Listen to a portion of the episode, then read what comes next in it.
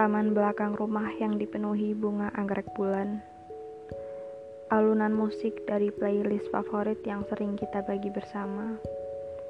Serta hanya keluarga dan teman-teman terdekat yang hadir adalah impian pernikahan yang pernah kuceritakan kepadamu dulu. Gaun berwarna putih gading dengan gaya sederhana tanpa aksen apa pun. Mahkota bunga yang menjadi hiasan rambut serta pita satin yang melingkari pergelangan tangan, juga salah satu paket list yang selalu kamu iakan tanpa penolakan sekalipun. Katamu, aku tidak baik, terlalu banyak memakan makanan yang manis. Tapi kamu mengizinkanku memilih menu hidangan untuk tamu dengan kue-kue kering penuh gula favoritku. Katamu juga, aku akan menjadi pengantin paling cantik pada hari itu.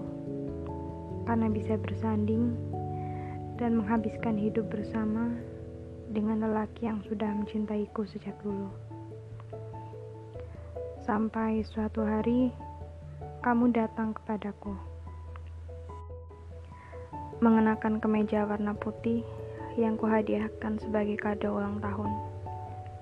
Dengan sebuket bunga anggrek bulan dan ratu aja yang gugup tidak seperti biasanya. Seperti adegan yang biasanya muncul dalam film romantis. Kamu berlutut di depanku, menawarkan janji masa depan yang menyenangkan lewat cincin perak yang pernah kulihat tempo hari di toko perhiasan.